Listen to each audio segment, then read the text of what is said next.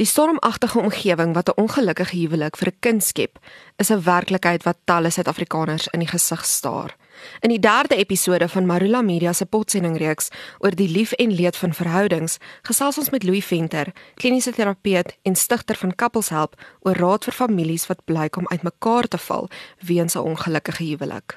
Watter impak het 'n ongelukkige huwelik op 'n kind of kinders in die huis? Misaan kinders leef nie in 'n huis nie, hulle leef in die spasie tussen ouers. En dit wat kinders die nodigste weet ons is veiligheid, voorspelbaarheid, gereeldheid en harmonie.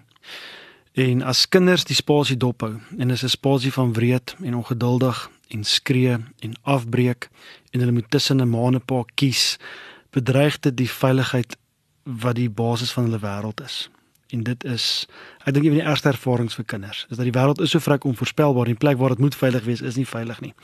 En mamma huil of pappa huil of pappa kom nie huis toe nie. Dis 'n baie baie hartseer en alleen plek vir kinders as daar 'n ongelukkige huwelik is.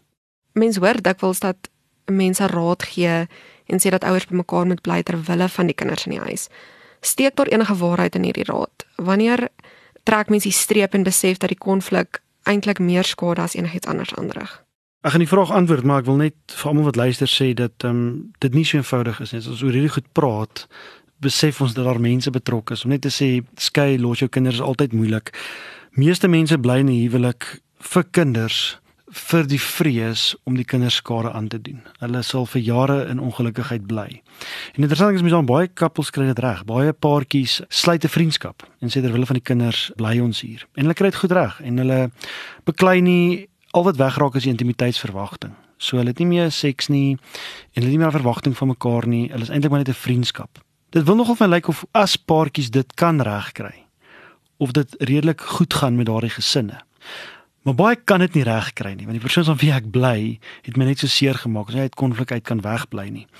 En ons baie goeie navorsing wat ook wys dat kinders nie noodwendig gelukkiger is in 'n huis waar ouers bymekaar is nie. Daar's 'n navorsing in Amerika gedoen wat wys dat eintlik baie goed gaan met kinders as daar 'n egskeiding is waar die twee ouers dan opdaag en besluit om 'n vriendskap te stig. So ek dink dit is 'n reël nie. Ek dink dit word dit so moeilik maak. Maar ek dink waarom mens die streep in die sand moet trek is dat die konflik rig skade aan aan die voorspelbaarheid en die veiligheid van die huisgesin en dit word kinders se verantwoordelikheid om eintlik vrede te maak of weg te kruip. Dis 'n baie baie baie gevaarlike plek. Daar moet ons die streep trek en sê ter wille van ons almal se veiligheid en ons emosionele welstand moet ons dalk 'n baie moeilike besluit neem.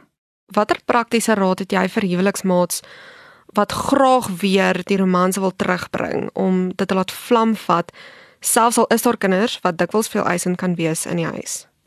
Dis 'n baie goeie vraag. Enige ouers sal vir jou sê die een ding, onthou koneksie is 'n praktiese ding, nê. Nee. Koneksie kan net gebeur as ons koneksie is. So die praktiese uitdaging vir ouers is tyd. Dis die grootste ding. So ons moet vrek kreatief met ons tyd wees om tyd te maak om romanties te wees op 'n gereelde basis. Ek kom eintlik agter dat as paartjies sê ons gaan um, date nights hou. Dat eintlik meer skade en hulle sien mekaar vir 3 weke nie, hulle is in diskonneksie, gaan op daai een aand, dan moet hulle 3 weke se koneksie in een aand inhaal en dit werk nie. So paartjies moet regkry om op 'n gereelde basis daagliks, weekliks, maandeliks fisies tyd te maak om by mekaar uit te kom. Dis die grootste uitdaging vir almal van ons. En dan as daar tyd is om dan met energie op te daag, dis die mamma wat intentioneel haar voorskot afval en in daai spasie instap dis die pa wat moeg gewerk is, die man wat moeg gewerk is wat moeg is vir die mense by die werk en al die uitdagings dit agterlos en ek sê altyd vir paartjies romanse soos 'n kamer wat jy gaan besoek. Jy stap intentioneel daarin en jy maak dit deur agter jou toe. En hoe dit kreatief lyk vir elke paartjie is anders. Ons moet daai tyd terugvat. Anders word ons paas en maas en dis al wat ons is. En dis hartseer. Want ek moet jou getroud was jy nie dit nie. Jy was jonk, jy was exciting, jy was opwindend, jy was lewendig, soos 'n plek waartoe ons moet gaan intentioneel.